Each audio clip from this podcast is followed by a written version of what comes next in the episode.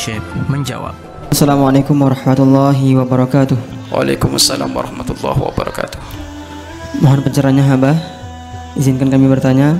Ketika itu Abah bilang kalau najisnya kotoran dari hewan yang halal dimakan itu tidak usah diguyur. Karena yang saya alami bukan kotoran hewan yang halal dimakan.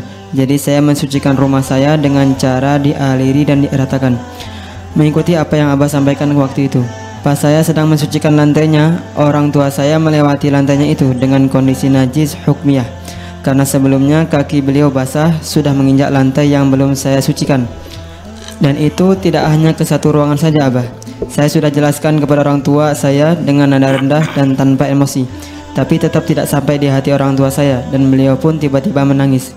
Saya tidak mau membuat orang tua saya menangis lagi Abah perihal hal ini. Sedangkan kalau harus disucikan kembali dan menunggu orang tua tidak di rumah itu kemungkinan tidak akan terjadi. Soalnya orang tua saya selalu ada di rumah. Kalau sudah begini bagaimana Abah solusinya yang mudah? Saya tidak ingin menyakiti ibu saya.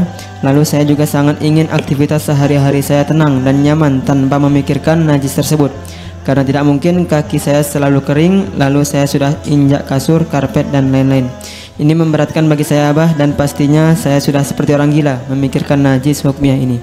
Mohon penjelasannya Abah, syukron. Baik, Masya Allah. Pel lagi.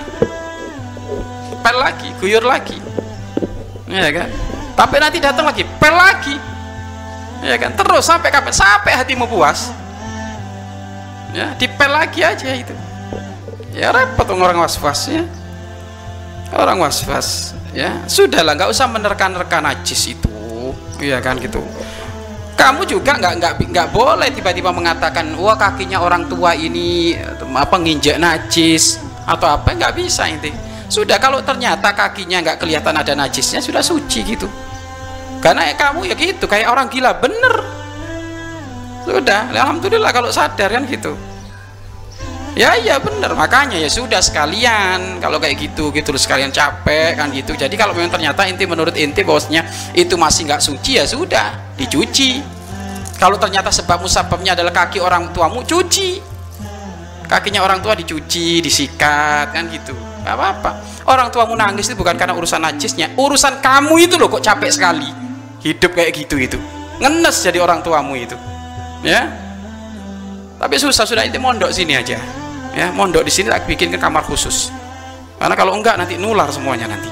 Ya kan bikin kamar khusus nanti. Insya Allah mondok di sini dua minggu sembuh insya Allah ya. Ya jadi penanya yang dirahmati oleh Allah Subhanahu Wa Taala jangan terlalu was-was ya. Jangan terlalu was-was. Kalau sudah suci suci. Ya sudah suci. Nggak usah nerka macam-macam. Sampai ke mana? Ke kasur. Ke sajadah. Lu ini kan kacau semuanya nanti. Ya kan? Nggak bisa sudah. Jelas. Najis itu jelas najis itu jelas. Najis itu ada tuh tujuh. Kalau tujuh macam tadi itu nggak nongol nggak nampak ya sudah. Su suci. Kalau sudah diguyur rata air sudah. Kalau memang ternyata nggak ada bentuknya berarti najis hukmiyah sudah diguyur rata sudah Bismillah. Ya. Tapi orang tua saya Pak Ustadz ini gimana gimana? Kamu jangan nuduh orang tuamu kakinya najis. Kamu nuduh orang tuamu kakinya najis dengan keadaan kamu was-was berurusan dengan najis ya orang tuamu marah nanti. Nggak ketemu ya kan? Nggak ketemu ayo. Dan hidup kayak gitu capek. Makanya jangan mau ca capek. Ya kan? Kalau tadi mengatakan katanya ini termasuk adalah jenis binatang yang apa tadi? Yang nggak boleh dimakan. Apa jenis binatang nggak boleh dimakan itu? Apa coba? Karena dalam madhab, madhab Malik itu hampir semuanya iya kan sesuatu yang bisa diambil manfaatnya itu bisa dima dimakan. Kalau cicak memang bisa di, bisa diambil manfaatnya boleh itu.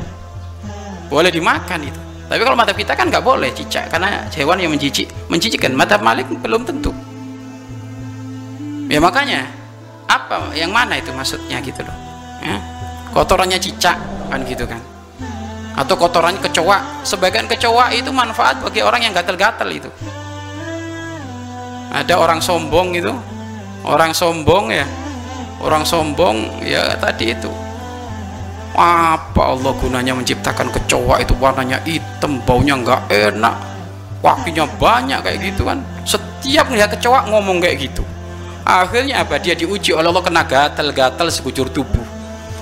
Karena dia orang kaya raya pindah dokter sana spesialis ini spesialis itu sampai duitnya mau habis akhirnya dia kunjung kepada seorang ulama. Kata ulama obatnya satu kamu tobat.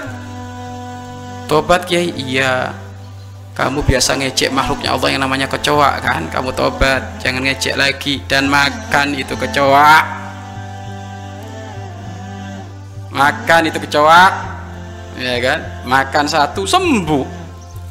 Ya kan Inna Allah la yastahi ayat dariba mathalam man ba'udatan fama fawqaha. Fa ammal ladina amanu faya'lamuna annahu al-haqqu min rabbihim. Wa ammal ladina kafaru fayaqulu madza aradallahu bihadza mathala. Yudillu bihi katsira wa yahdi bihi katsira ya kan? Sudah. Ciptaan Allah itu pasti semuanya ada hikmahnya. Yang bertanya mudah-mudahan engkau dijauhkan dari ilmu was-was ya. Najis itu jelas ilmunya ya.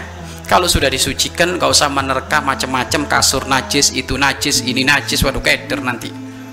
Iya kan? Akhirnya nanti ini tangan ini tadi nempel ke mana ini? Tangan ini terus dicek-cek terus gitu. Ya kan? Waduh capek orang kayak gitu akhirnya saya serasa menjadi orang gila belum waktunya gi gila. Makanya selesai kamu dari urusan najis. Solusinya bagaimana Pak? Sudah anggap suci sudah rumah muis anggap suci. Terus belajarnya yang serius nih. Tonton kita terus pantengin asa biar nggak was-was. Terus ya ini nanti jadi jadi was-was terus nanti itu. Pantengin. Ya. Dan mulai sekarang pertanyaannya jangan nanya bab najis lagi. Ganti yang lainnya. Biar ilmunya ningkat kok najis saja bulat-bulat itu saja? Ya kan? Biar ningkat. Karena gini loh bisa jadi solusi. Solusi keyakinanmu itu ternyata oleh Allah dikasih bukan karena pertanyaan itu yang dituju. Tapi karena kamu pengen ilmu yang lain akhirnya barokah dapat ilmu yang lain akhirnya paham ini. Akhirnya hilang itu was-was. Gitu. Allah itu kalau memberikan solusi kepada uh, hambanya itu unik. Unik kadang dia tuh ngejar itu terus itu. Biar gol gol gol gol. Padahal andaikan dia fokus ke sana sedikit sholat duha dulu baca Al-Quran dulu infak sedekah dulu nggak nggak difokuskan ke sana fokus ke sini aja dulu. Tetap tetap tetap ini kebaikan tiba-tiba di situ digolkan oleh Allah. Kalau pengen menghilangkan waspas di dalam hatimu mulai sekarang jangan bertanya lagi bab urusan najis. Ya bab yang lainnya. Ya nanti dari situ inti dikasih pemahaman lebih oleh Allah ilmu itu saling berikatan saling bersangkut paut. Bisa jadi nanti pemahaman kayak gini belum masuk tapi di saat inti bertanya tentang masalah yang lainnya tak tahunya masuk oh ini maksudnya. Oh ini maksudnya. Oh ini maksudnya seperti itu ya. Wallahu a'lam bisawab